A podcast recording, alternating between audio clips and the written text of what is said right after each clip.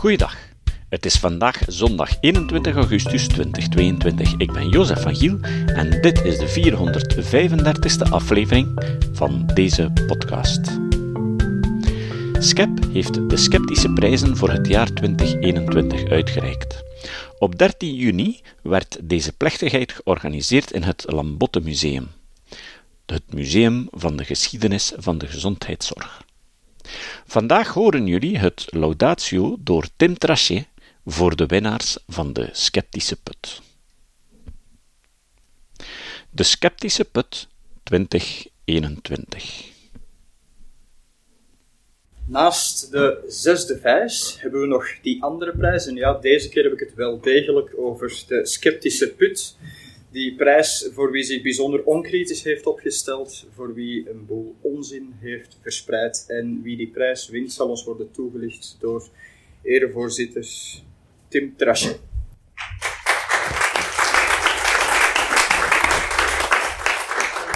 Gaat dat hier nu?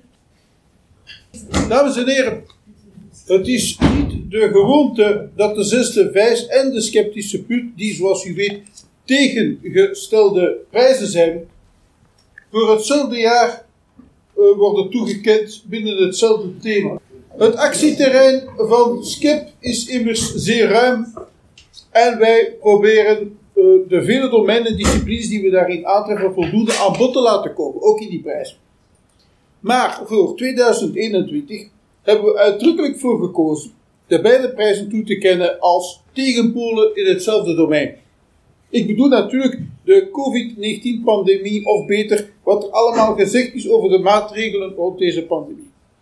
2021 was immers het jaar van de vaccinatiecampagne, de vaccinatiepassen, de discussie rond verplichte vaccinatie enzovoort.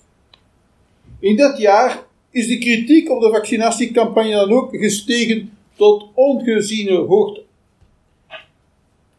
Het was een echt koer van huilende wolven. Er straks gesproken van slangen, wolvijzers en schietwielen. Enfin, ik spreek van huilende wolven. Het gehuil rondom ons was zo fel dat we eigenlijk niet wisten waar de wolven nog zaten. De prijzencommissie vond dat dit gehuil zeker de put verdiende. En besloot die niet toe te kennen aan een individu die daardoor misschien nog meer in van vedette status zou krijgen, maar aan een collectieve, invloedrijke en veelzeggende website. Ja, je hebt het al verklopt nu. Kritiek op vaccinatie is er altijd geweest. In het begin vooral vanuit religieuze hoek. Men beschouwde, en beschouwt soms nu nog, ziekte en epidemie als een straf van God of als een gevolg van de natuurwetten. In beide gevallen mocht de mens zich daar niet tegen verzetten. Nog in 1824 veroordeelde paus Leo XII de koepel-inenting en annuleerde hij de vaccinatiecampagne die zijn voorganger, de vorige paus trouwens, had opgezet in de pauselijke staat. Ook vanuit wetenschappelijke hoek was er vroeger kritiek op vaccinatie. Al in de 18e eeuw. Toegegeven inentingen, met name tegen pokken, bestonden al lang voordat men begreep wat de oorzaken van die ziekte waren, microben dus. Men moet ook beseffen dat de allereerste inentingen tegen pokken echt gevaarlijk waren. Dat althans een klein deel van de ingeënte personen niet overleefde. Het ging toen nog om de zogenaamde inoculatie door echte pokken voor de ontdekking van de fameuze koepok-inenting, de eigenlijke vaccinatie dus door Jenner. Toch pleitten de filosofen van de verlichting toen al voor massale inenting. Wiskundigen probeerden aan te tonen, en ik ben een wiskundige, dus ik zal daar eventjes aandacht aan besteden, dat er op die manier veel meer mensen gered konden worden dan er aan inenting zou overlijden. Merkwaardig dat een van de bekendste figuren van de verlichting, de wiskundige en encyclopedist d'Alembert, brand maakte van de berekeningen omdat ze op onvoldoende correcte gegevens waren gebaseerd.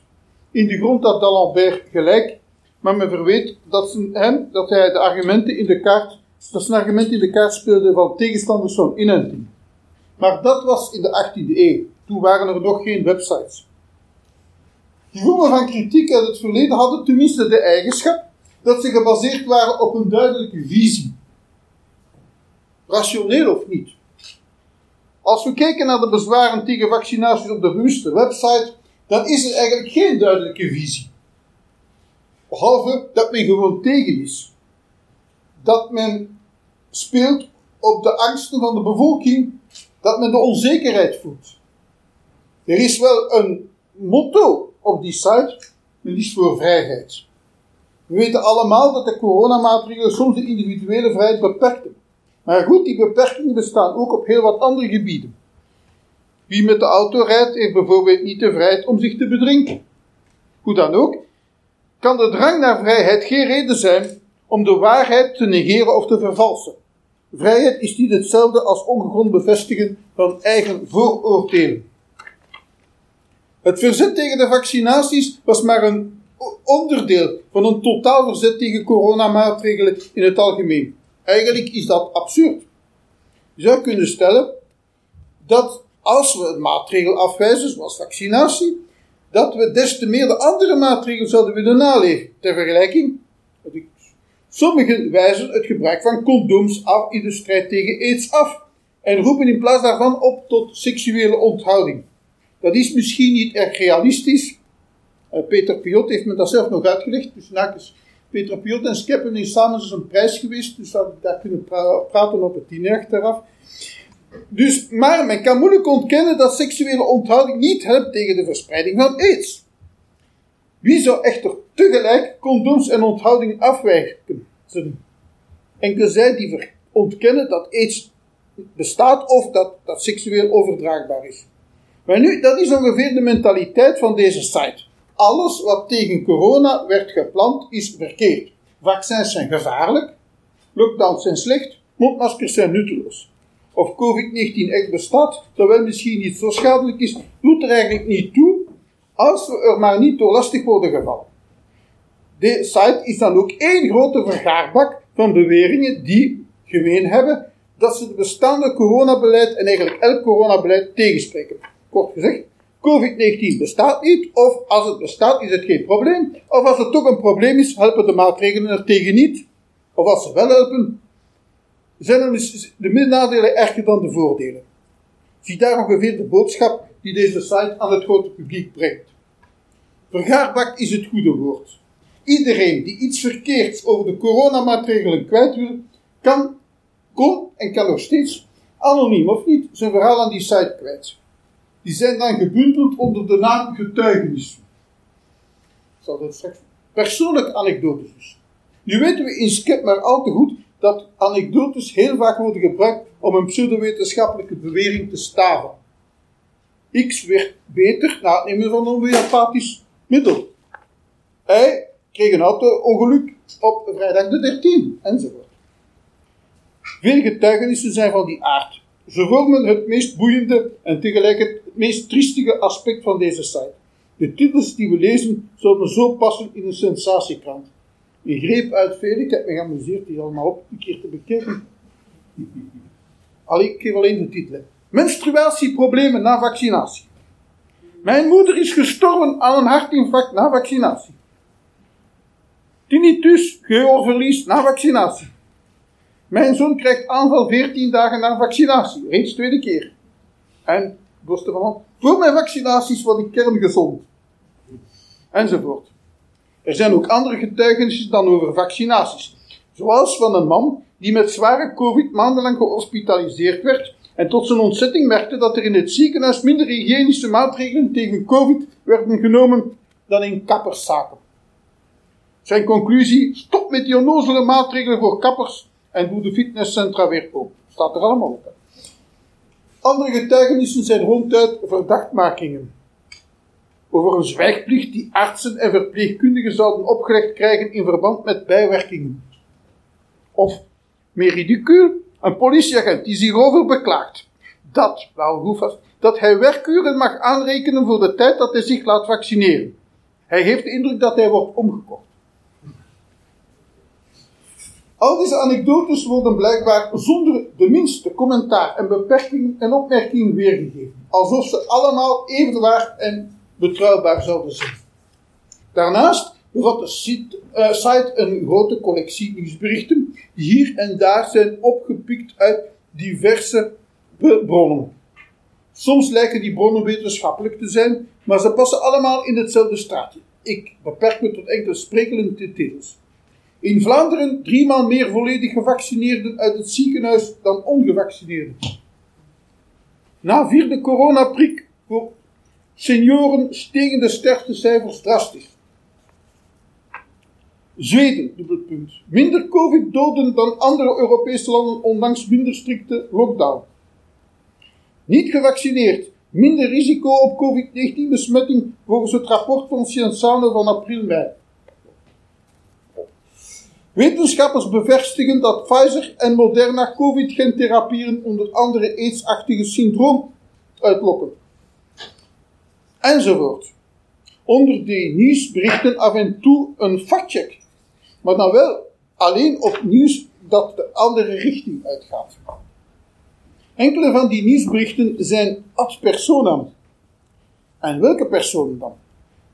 Zie een titel als filosoof Johan Braakman, die, die zich uit als, uit als pro-vaxer in de afspraak Trouwland schuldig aan laster.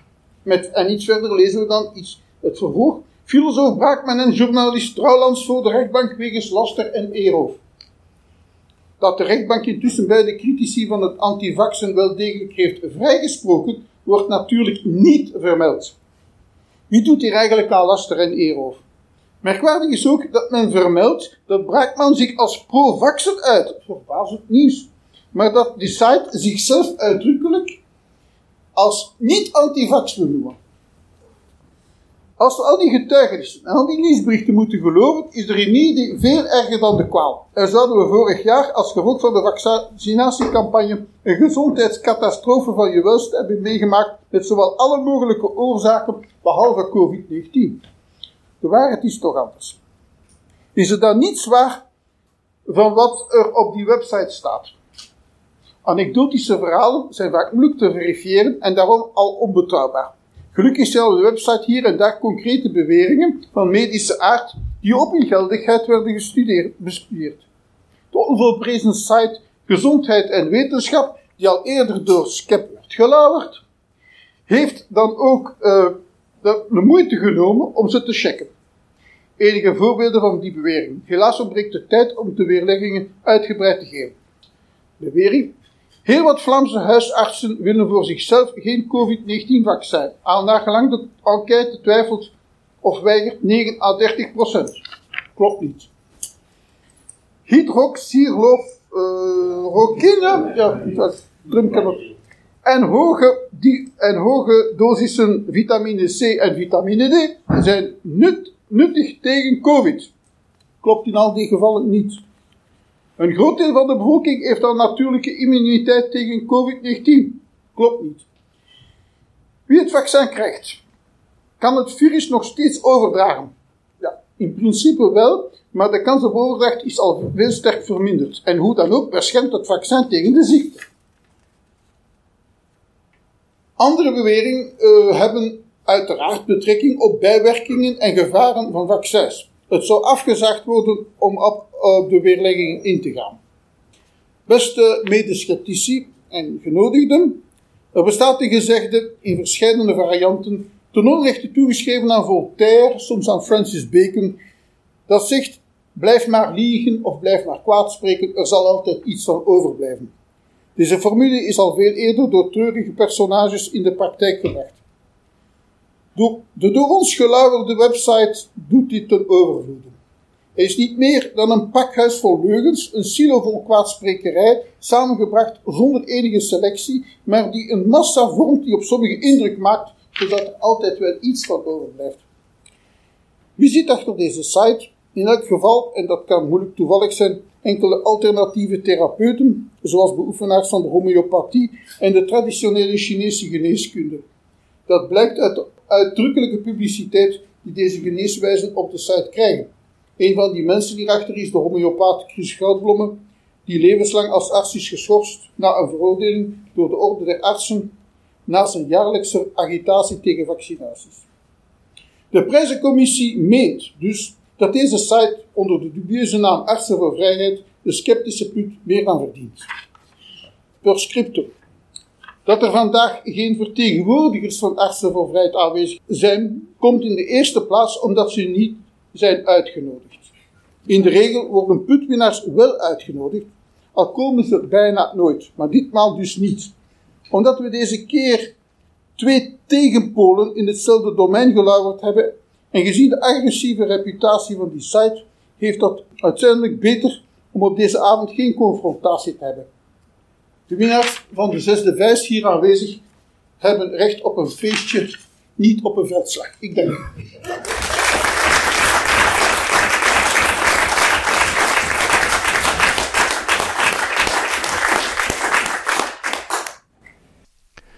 Het citaat.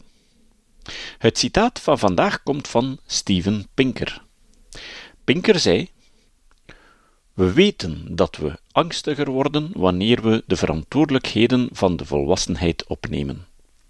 Er zijn gegevens die aantonen dat angst van de Amerikanen van de jaren 1950 tot 1990 is toegenomen, om daarna min of meer te nivelleren. Maar een deel van die angst komt voort uit problemen die hun voorouders als normaal beschouwden, zoals pollutie, oorlog, ongelijkheid en armoede. Nu wij als soort volwassen worden en die last op ons nemen, is het normaal dat we angstiger worden.